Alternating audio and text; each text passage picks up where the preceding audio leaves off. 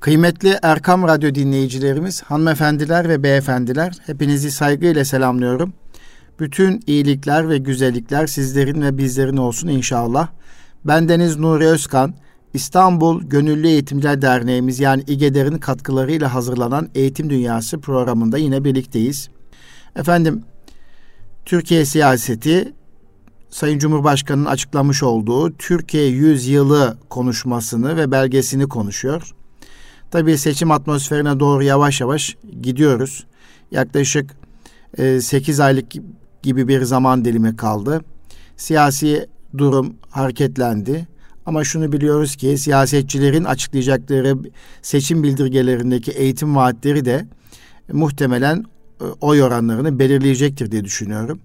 Çünkü bir ülkenin gelişmişliği e, eğitim düzeyiyle yakından ilgili olduğunu hepimiz biliyoruz toplumumuzun gözünde eğitimi konumlandırmayı ön plana almamız gerekiyor. Elbette şu anda yaşadığımız hayat pahalılıkları, yaşadığımız sorunlar, yüksek enflasyon bunların hepsi e, bir takım olumsuzluklar çağrıştırsa da hala yaşadığımız coğrafyada güçlü bir Türkiye var.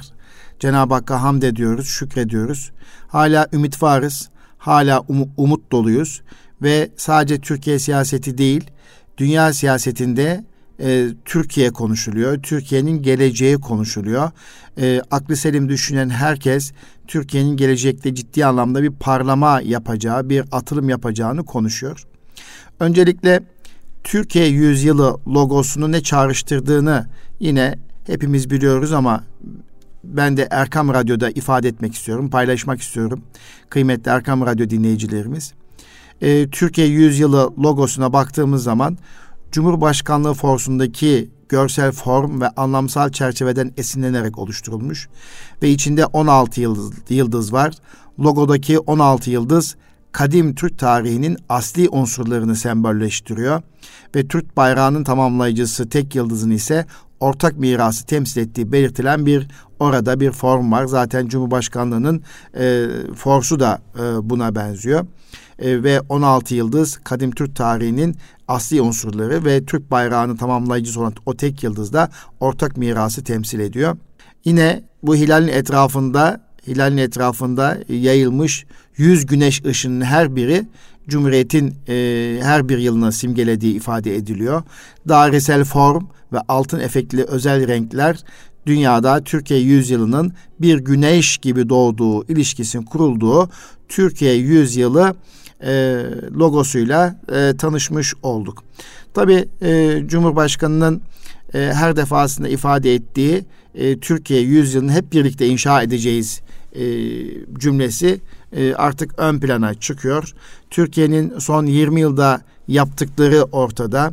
Ortaya koyduğu eser e, çok önemli. Zaten Sayın Cumhurbaşkanı eser siyasetinden bahsediyor. Türkiye'nin e, bir eser siyaseti ortaya koyduğunu e, söyleyerek şöyle diyor Sayın Cumhurbaşkanı. Biz siyaseti ülkemiz için eser üretmek, milletimize hizmet etmek için yapıyoruz. İnşallah milletimize hizmet yolculuğumuzu Türkiye 100 ile zirveye çıkaracağız diyerek 100 yıllık hayaller, asırlık projeler temasıyla Türkiye 100 yılını anlattığı ve muhteşem bir paylaşım oldu. Tabii önümüzdeki haftalarda Eğitim Dünyası programında e, Sayın e, Cumhurbaşkanı'nın açıkladığı Türkiye Yüzyılı belgesiyle birlikte e, seçim bildirgesine yansıyacak e, eğitimle alakalı cümlelerini de masaya yatırmak istiyoruz. Ama şu anda içinde bulunduğumuz atmosferde artık her şey e, Türkiye yüzyılı üzerine konumlanmış durumda. Evet önümüzdeki eğitim yılında daha doğrusu önümüzdeki yıl 2023 yılı Türkiye Cumhuriyeti'nin kuruluşunun 100. yılını kutlarken daha sonra 2071 yılı e, bin yıl sonra ki bir tarih, bir vizyon ortaya konuluyor. 1453 e, İstanbul'un fethinden sonra 2053 e, tarihi konumlandırılıyor. Yani 600 yıllık bir fetih e, sembolü var. Daha sonra Malazgirt'in e, zaf, zaferinin yıl dönümü, bininci yıl dönümü 2071 yılı konumlandırılıyor ve e, Türkiye'nin artık yaşadığı coğrafyada e, her alanda yükselişe geçtiği ifadesi artık herkes tarafından biliniyor, ifade ediliyor, anlatılıyor. Bu konuda Türkiye yüzyılı il, ilgili olarak tabii ki e, eleştiriler olabilir. Tür, bu konuda farklı düşünenler çıkacaktır. E, bunun e, şüphesiz e, ifadeleri olacak. E, yazarlar bu konuşmaları farklı şekilde değerlendirecek. Ben de e, e, önümüzdeki hafta Türkiye Yüzyılı belgesi içerisinde ve seçim bildirgeleriyle birlikte AK Parti'nin ve diğer siyasi partilerin seçim bildirgesiyle birlikte acaba eğitimde neler vaat ediyorlar? Türkiye yüzyılını yaşadığımız o coğrafyada, o dönemde acaba eğitimde nereye gelmiş olacağız? Nasıl bir insan tipi ortaya çıkmış olacak? Ee, bunu gerçekten merak ediyoruz. Hep beraber merak ediyoruz. E, tabii ki hayat pahalılığı, enflasyon, buna gelecek çözümler, e, ihracatın artması, cari açığın azalması, paranın tekrar yeniden e, değer kazanması bu ve e, savunma sanayisi başta olmak üzere birçok alanda üreten bir ülke, istihdamın yükseldiği bir ülke ve mutlu barışlı bir barış e, öncülük eden bir ülke olma noktasında Türkiye'nin geleceğe parlıyor. Bunu hepimiz görebiliyoruz. İşte burada önemli olan sorun e, bu yüzyılı yaşayacağımız bu atmosfer içerisinde nasıl bir insan tipi yetiştirmeyi hedefliyoruz? E, nasıl bir ekonomist e, insan yani ekonomi yönetecek insanların özellikleri ne olmalı? E, istihdamı sağlayacak, bunun için üretim yapacak e, insanlar ve bu insanların sahip olacak karakterler, şahsiyetler neler olmalı? E, nasıl bir öğretmen, nasıl bir eğitim hayal ediyoruz? E, bunların hepsi oldukça önemli. Çünkü e, çocuklarımızı yaşadıkları çağa göre değil, yaşayacakları çağa göre yetiştiriyor olmamız gerekiyor. E, bu çok önemli bir cümle. Tabii ki kamuoyu araştırmaları öncelikle ekonominin ilk sıraya geldiğini söylüyor. Yani siyasetten bunu bekliyor. Ekonominin düzene girmesini, ekonomideki sıkıntıların çözülmesini, e, hayat pahalılığın e, düşürülmesini, enflasyonun tek haneliğe çekilmesi noktasında e, bir beklenti var. Ama ikinci sırada e, kamuoyunun aslında hep beklentisi yine hep eğitim sistemi, eğitimle alakalı kamuoyunun ciddi bir şekilde beklentileri var. Hem e, 18-24 yaş arası gençlerin hem de yetişkinlerin eğitimle ilgili beklentileri var. Türkiye'de hukuk sistemi ile ilgili, sağlık hizmetleri ile ilgili, yeni anayasa ile ilgili beklentiler tabii ki var. Ama Türkiye'nin en önemli sorunu ekonomi ve ikinci sırada seçmenin beklediği şey eğitimle ilgili daha ciddi adımların atılıyor olması. Evet, bu konuda acaba e, gençler neyi nasıl bakıyor hadise dediğimiz zaman oy verecek olan gençler olayı nasıl değerlendiriyor dediğimiz zaman da aslında yapılan araştırmalarda da onların bu oy verecek, yeni oy verecek, ilk defa oy verecek gençlerin de yine birinci sırada tercihlerinin ekonomi olduğunu, daha sonra e, eğitim olduğunu söyleyebiliriz. Türkiye'deki eğitim sistemine genel olarak kaç not verirdiniz diye baktığımız zaman e, Türkiye'de eğitimle ilgili e, not verme yüzde otuz üçü düşük not, çok kötü not veriyor. Yüzde yirmi ikisi Türkiye'nin e, de bu ankete katılanların yüzde yirmi ikisi iki puanı veriyor. E, çok iyi notu veren ise sadece yüzde altı. Türkiye'de eğitim sistemine e, çok iyi diyenler yüzde altı. Hadi iyi ile çok iyi birleştirdiğimiz zaman yüzde on yedilik bir oran yapıyor. E, Türkiye'nin eğitim sistemiyle ilgili Türkiye'nin ortalamasıyla gençlerin bakışı arasında evet anlamlı bir farklılık olmakla birlikte e, bu konuda Mesela gençler bu 18-24 e, yaş arası gençler daha kötümserler eğitim sistemiyle ilgili olarak. Yüzde 46 gibi bir e, oran var 18-24 yaş arasında. Ancak Türkiye ortalaması yüzde 33. Mesela Türkiye'de eğitim sistemi çok iyi gittiğiyle ilgili olarak çok iyi gittiğini düşünen 18-24 yaş arasında gençlerin sadece yüzde 3'ü çok iyi, yüzde 4'ü de iyi düzeyde olduğunu buluyor. Bütün bunlar e, aslında eğitimle ilgili siyasetçilerin daha iyi çalışması gerektiğinin e, bir ifadesi. Mesela Türkiye'de hala e, eğitimin yüz, e, yani toplumun yüzde otuz dördü aldığımız eğitimlerin kişiye bir şey katmadığı ilgili bir kanaate sahipler. Yine 18-24 yaş arası gençlerin de yüzde yirmi beşi e, eğitimin e, kendilerine bir şey katmadığını düşünüyor. Yani bu anlamda e, da bir e, fark var. Yani gençler e, eğitime e, olumsuz bakıyorlar. Eğitim çocuğunuza ne katacak veya eğitim size ne kattı diye soru sorulduğunda e, yetişkinler veya Türkiye'nin geneli eğitimin e, çocuklara çok fazla bir şey katmadığıyla ilgili bir kanaat var. Bunların hepsi e, tabii ki eğitim sistemimizle ilgili meselelerin masaya yatırılmasıyla alakalı olduğunu düşünüyorum. Peki eğitimin kalitesi niteliğini kim sağlamalı? e, dediğiniz zaman tabii ki eğitimin kalitesi niteliğini devlet öncülük etmeli. Devlet e, bu konuda eğitimin kalitesini e, artırmalı. Tabii ki bunların bunların içerisinde özel sektör de var. E, özel okullar başta olmak üzere kamu ve diğer kuruluşların her biri eğitimin niteliğini ve kalitesini artırılması noktasında ciddi şekilde hazırlık yapmalı. Sadece devlete bu yükü yüklemekte yanlış olabilir ama sonuçta devlet her çocuğun kaliteli eğitim almasını başka hiçbir kuruma bırakmadan kendisi sağlamalı diyenlerin oranı neredeyse yüzde doksan. Yani yüzde doksan ankete katılanlar yüzde doksanı devletin bu vazifeyi en güzel bir şekilde yapması noktasında beklenti var. Bu da önemli. Velilerimizin veya ailelerin çocuğun iyi bir eğitim alabilmesi için her türlü rahatlıktan vazgeçerim diyen anne baba sayısı da oldukça fazla. Mesela bu yüzde 85 civarında bir oran oldukça yüksek. Yani aileler çocuklarının iyi bir eğitim alabilmesi için her türlü rahatlıktan vazgeçebileceklerini düşünüyorlar. Ve soru şu, Türkiye'de eğitim yükselirse ne olur?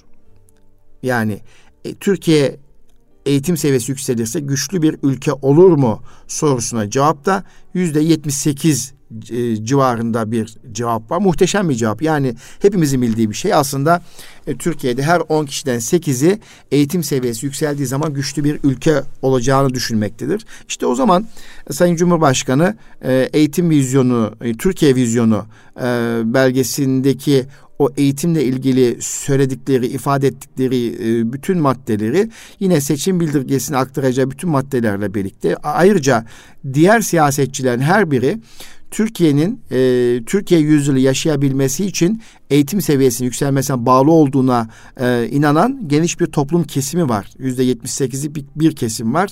Öyle olunca bu konuda ciddi şekilde e, uzlaşılmış milli bir eğitimin tasarlanması noktasında ciddi adımların atılması gerekiyor. Uzlaşılmış bir e, gayret olması gerekiyor.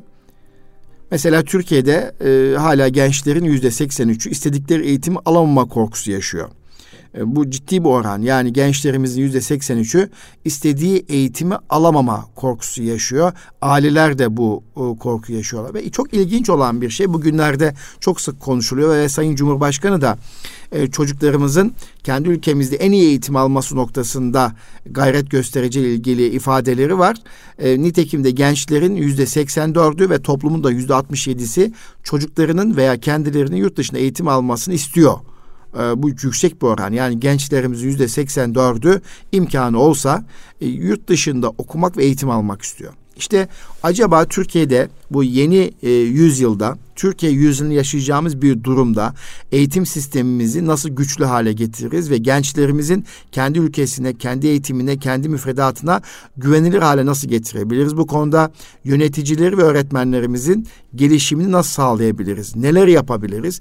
Yani e, mesela e, imkanım olsa çocuğumun ve kendimin yurt dışında eğitim alması isterim diyenlerin oranı yüzde 67 yani hayli yüksek bir oran.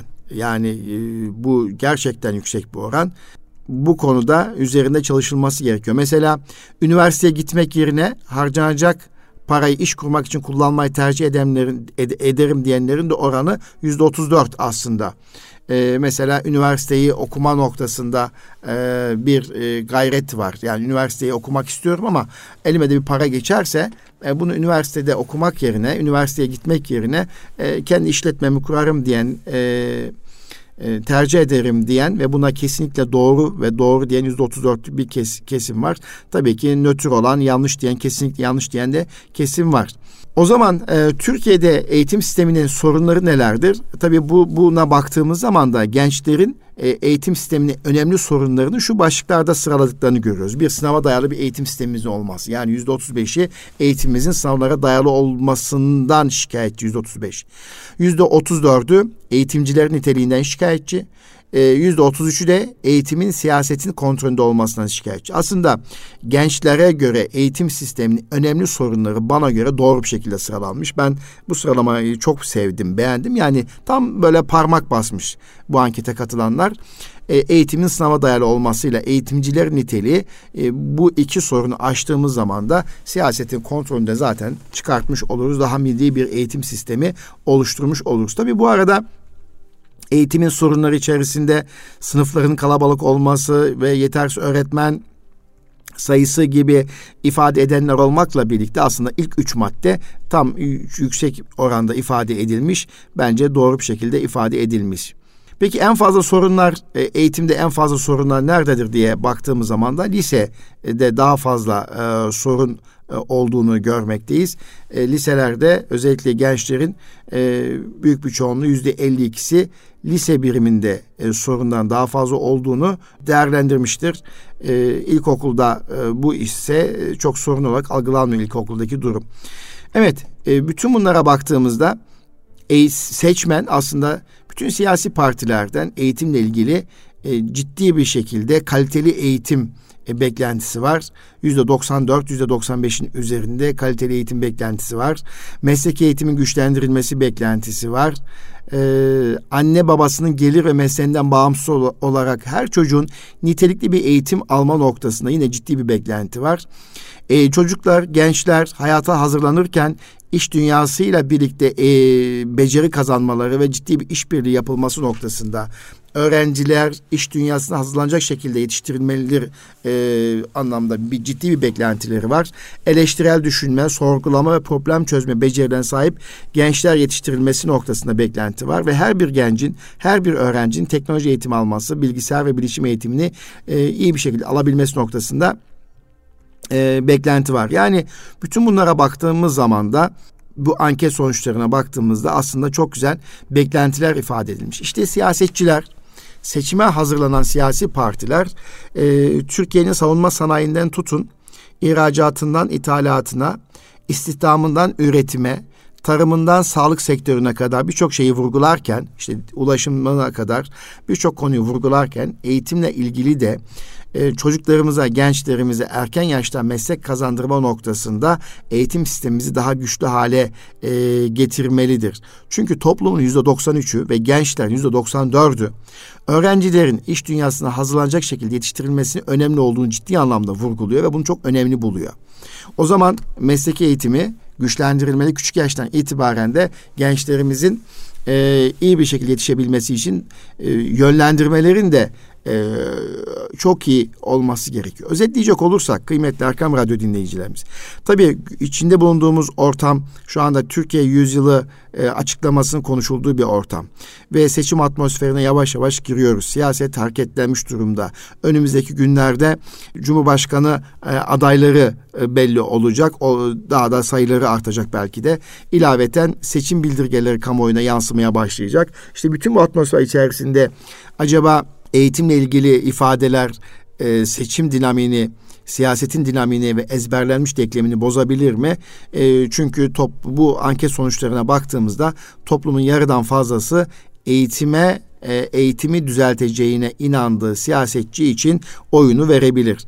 Gençler için de aynı şey geçerli. Bu anlamda eğitim sisteminde gerçekleştirecek reformlar, projeler ve e, Milli Eğitim Bakanlığı'na ayrılacak bütçeler toplum e, eğitim sisteminin içerisindeki memnuniyeti artıracak ve buna göre de bir e, durum ortaya çıkacak. Evet, kıymetli Erkam Radyo dinleyicilerimiz, hanımefendiler ve beyefendiler, tabii ki e, şu anda Türkiye'nin içerisinde bulunduğu atmosfer e, çok önemli şeyleri konuşuyor. Yani e, gelecek yüzyılı inşa etmeyi konuşuyoruz.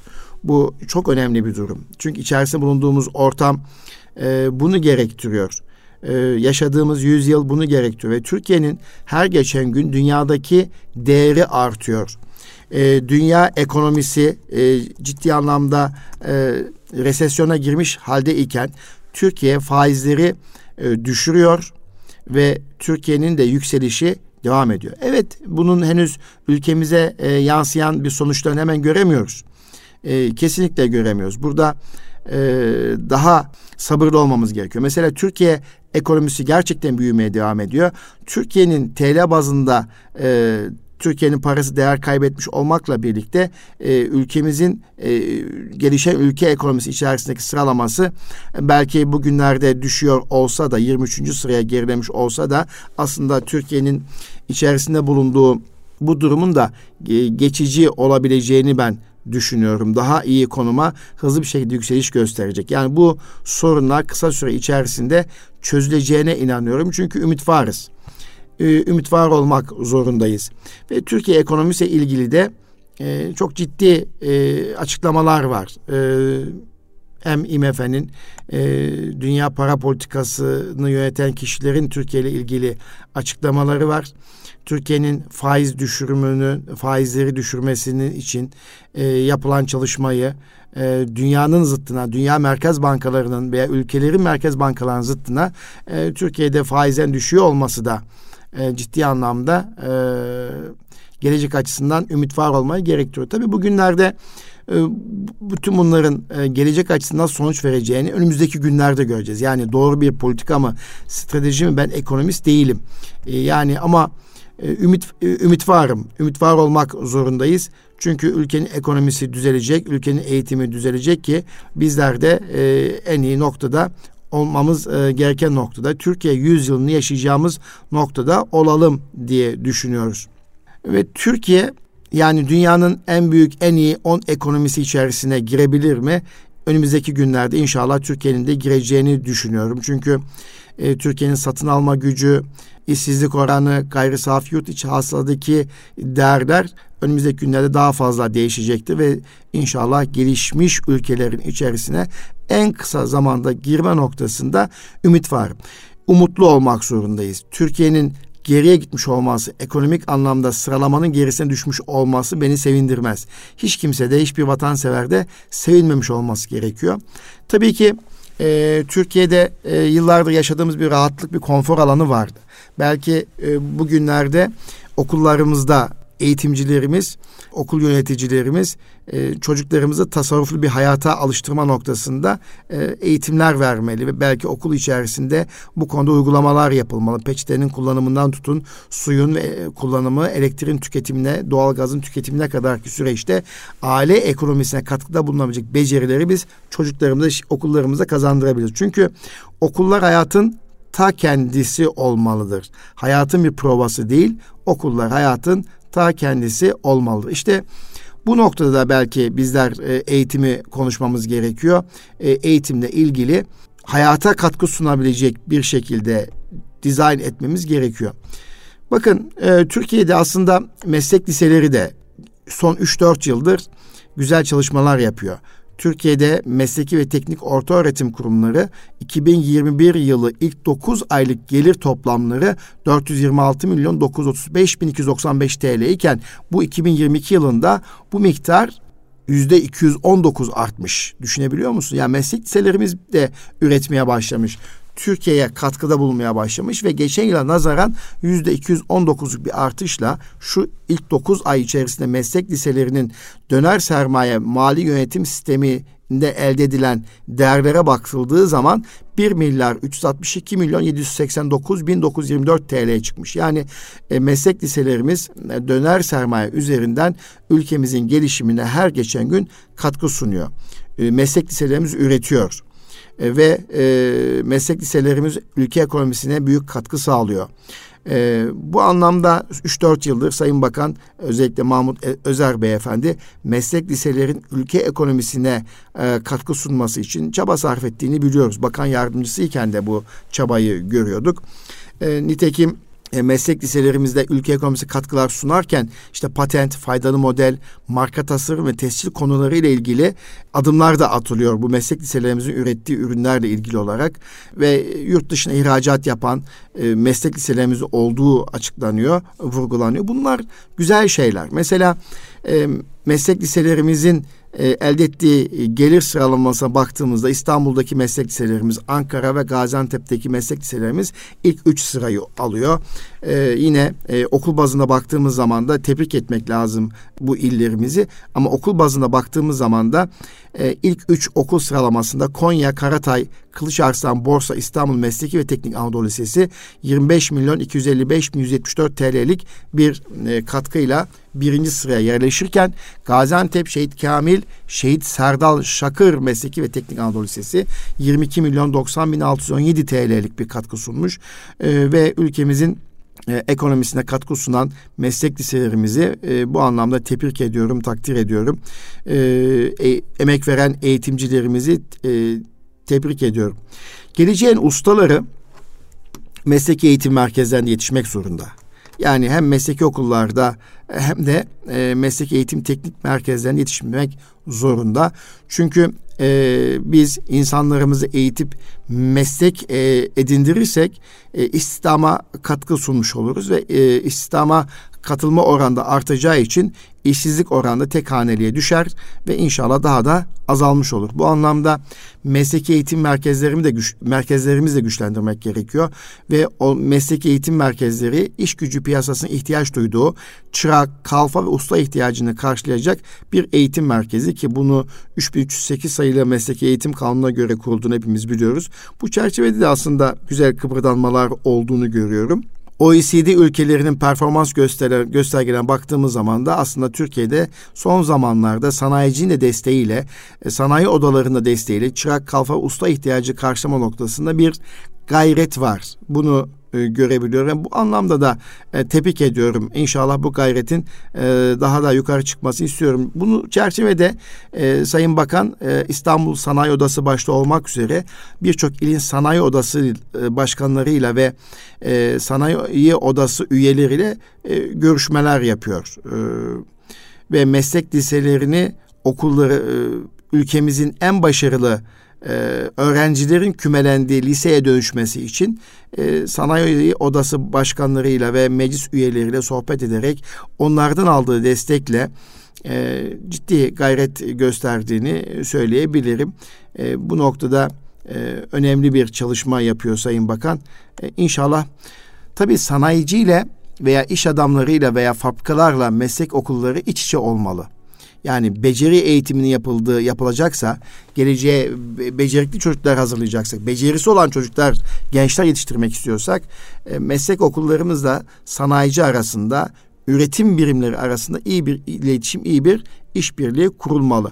Bu anlamda bunları önemsiyorum. E, bunlar da e, önemsenecek çalışmalar. İnşallah başarıya ulaşır, güzel bir sonuç ortaya çıkar. Çünkü tabii Türkiye'de Şöyle de bir durum oldu zannediyorum. Yabancılar, Afganlar, Türkmenler, Özbekler ve buna benzer e, yurt dışından kaçak olarak gelen göçmenler geldikleri ülkelere gönderilince kendi insanımız da ister istemez İslam noktası, çalışma noktasında e, daha çok çabuk iş bulmaya başladı. Bu iş bulma durumu da e, İslam'ı olumlu etkiledi diye düşünüyorum. E, bu bunu e, böyle değerlendiriyorum ve daha da böyle olmalı. Yani kendi insanımız iş, işi kolay bulabilmeli. Kendi insanımız yani Türk milleti, Türk milletinin değerli evlatları e, becerisi artmalı ve kolay bir şekilde işe girebiliyor olmalı. E, evet, Göçmenler bizim misafirimiz, kesinlikle misafirimiz. Onlar da yaşam hakkına, iyi bir yaşam hakkına sahip olmalılar. Bunu söylerken kendi çocuklarımızın da, kendi gençlerimizin de iş bulabiliyor olması noktasında daha farklı bir e, çalışma yapmak gerekir diye düşünüyorum. Onun için kontrollü göçmen almak gerekiyor. Nitekim Türkiye'de bu anlamda son zamanlarda kontrollü e, bir çalışma yapıyor. Mümkün mertebe gelen göç, göçmenlerin de ülkelerine dönebilmesi için çaba sarf ediyor. Evet, e, kıymetli Erkam Radyo dinleyicilerimiz, öncelikle Eğitim Dünyası programında biz bugün Türkiye Yüzyılı kavramı üzerinde sohbet ettik. Önümüzdeki haftada Türkiye Yüzyılı e, bildirgesi içerisinde e, Sayın Cumhurbaşkanı'nın eğitimle ilgili söyledikleri cümleleri daha derinden analiz etmeyi bekliyorum. E, yap, yapmayı planlıyorum inşallah. Belki bunu misafirlerimizle birlikte yapabiliriz. E, bununla birlikte e, seçim atmosferine giriyoruz. Siyasi partiler seçim bildirgelerini hazırlarken ülkenin içerisinde bulunduğu hayat pahalılığının yanında hangi başlıkları çok iyi e, sunarlarsa, iyi bir hazırlık yaparlarsa, oralarda neleri vaat ederlerse e, seçimde e, vatandaşın oyunu alabilir e, sorusu karşısında yapılan anketleri analiz ettik, değerlendirdik. Hayat pahalılığının dışında eğitim alanındaki vaatleri de seçmeni etkileyeceği noktasında, özellikle genç seçmeni etkileyeceği noktasında bir kanaatin olduğunu anket sonuçlarına baktığımız zaman bunu ifade etmeye çalıştık. Türkiye'de tabii e, eğitim en büyük güç, eğitim sektörü en büyük güç e, ve eğitimin niteliği ve kalitesi arttığında bulunduğumuz coğrafyada e, daha iyi bir üretim yapacağız ve dünyada daha e, güçlü bir ülke olacağız. Çünkü güçlenmemizin e, en önemli e, altyapısı eğitimden geçiyor. Eğitimin iyi olması da bizim dünyada varoluşumuzu daha da yukarıya taşıyacak.